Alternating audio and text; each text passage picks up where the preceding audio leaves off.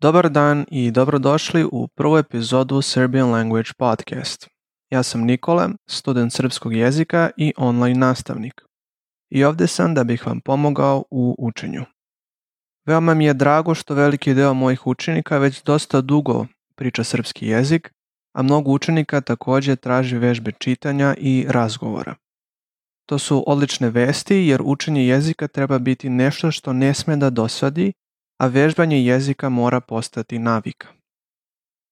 Ova, a i buduće epizode napravljene su za napredne učenike. To su oni učenici koji su već dobro savladali osnovne čitanja, pisanja, gramatike i koji imaju dobar osnovni vokabular.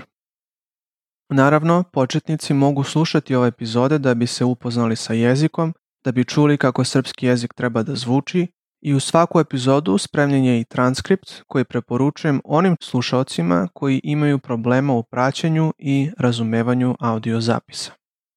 Ovdje ćemo zajedno učiti o raznim zanimljivostima iz raznih oblasti, a najviše ćemo govoriti o Srbiji i srpskoj kulturi.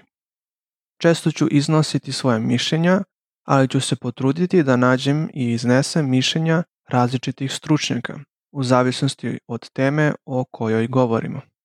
Nadam se da će vam teme koje izaberem biti zanimljive, a možete mi pisati i dati predloge na e-mail nikola.puic.gmail.com Pa, prva epizoda može da počne.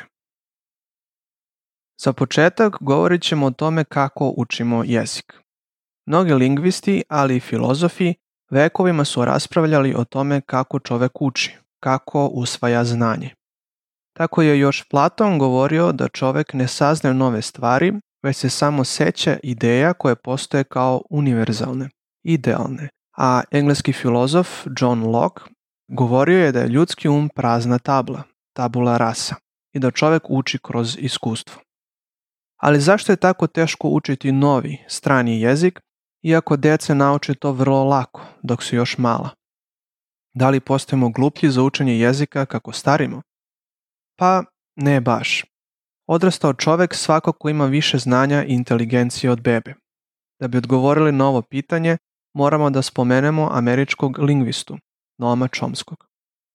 Chomsky je još 60. godina 20. veka govorio o urođenom aparatu koji služi za učenje jezika. Prema njemu, u našem mozgu postoji poseban sistem koji prepoznaje različite vrste i različite funkcije reči i glasova. Ovim sistemom služe se i deca, čak i pre nego što kažu prvu reč.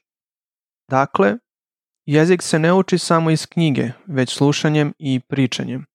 Svako od nas ima urođeni aparat koji stvara jezički sistem u našem mozgu.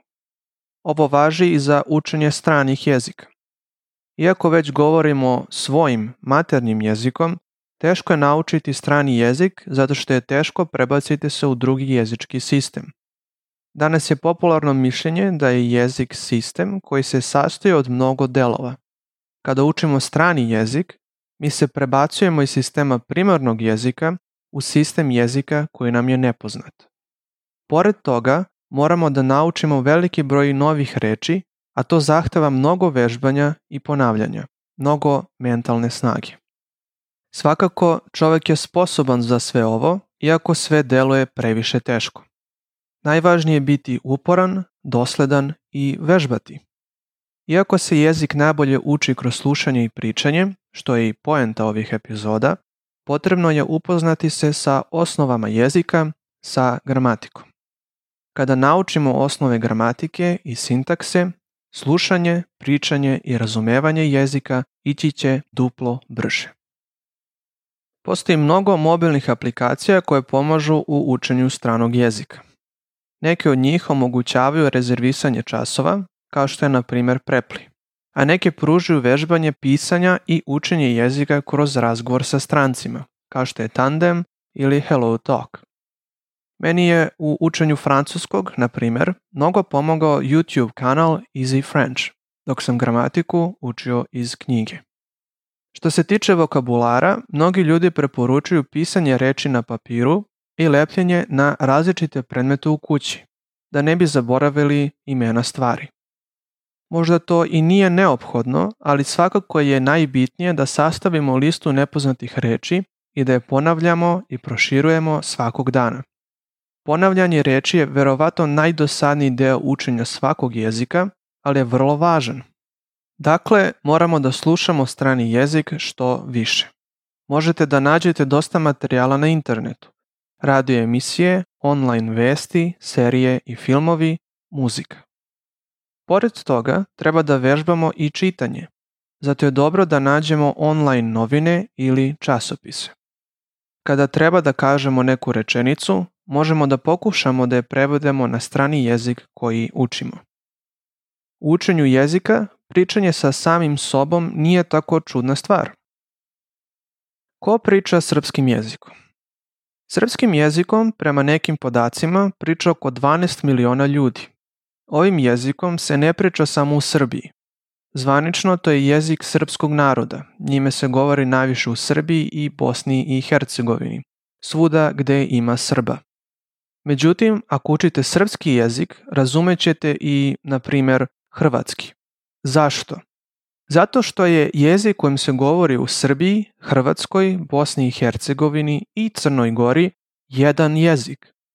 Taj jezik trenutno nema zvaničan naziv, ali sve lingvističke činjenice pokazuju nam da je to jedan jezik koji ima svoje varijante. Te razlike postoje, ali nisu dovoljno velike da bi razdelile jedan jezik na više delova. Zato, kada učite srpski, vi zapravo učite onaj jezik kojim se govori i u Hrvatskoj, Bosni i Hercegovini i Crnoj Gori. Većina mojih učenika uči srpski jer je u kontaktu sa Srbima. To su ljudi koji imaju prijatelje iz Srbije i žele da komuniciraju sa njima. Drugi deo učenika su deca koja imaju majku srpkinju ili oca srbina. Treća i, nažalost, najmanja grupa mojih učenika su Srbi koji su odrasli u inostranstvu i žele da nauče jezik svoje porodice ili da ga se podsete. Ovakvih učenika je malo, jer odrasli imaju dosta obaveza, tako da učenje stranog jezika nije najvažniji zadatak. Međutim, u mojim časovima ja se trudim da pomognem svima, a i da pokažem da učenje srpskog jezika ne mora biti velika obaveza, već nešto kao hobi ili druženje. Kao što možemo da vidimo, srpskim jezikom govori veliki broj ljudi, a uči se iz različitih razloga. Postoji jedna jako lepa stvar u vezi sa onima koji uče bilo koji strani jezik. Veliki deo njih uči zbog ljubavi.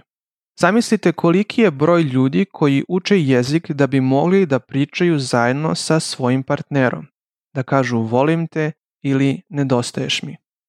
Nekoliko mojih učenika uči srpski baš iz tih razloga, a neki to rade i tajno, da bi jednom iznenadili one koje vole. Iz kojih razloga vi užite srpski jezik? Ovo bi bio kraj prve epizode Serbian Language Podcast. Nadam se da ste uživali i da ovakav sadržaj pomaže vašem učenju jezika. Ako imate nekih pitanja ili saveta, pišite na moj e-mail nikola.pujic at gmail.com Ostanite zdravi i čuvajte se virusa. Ćao!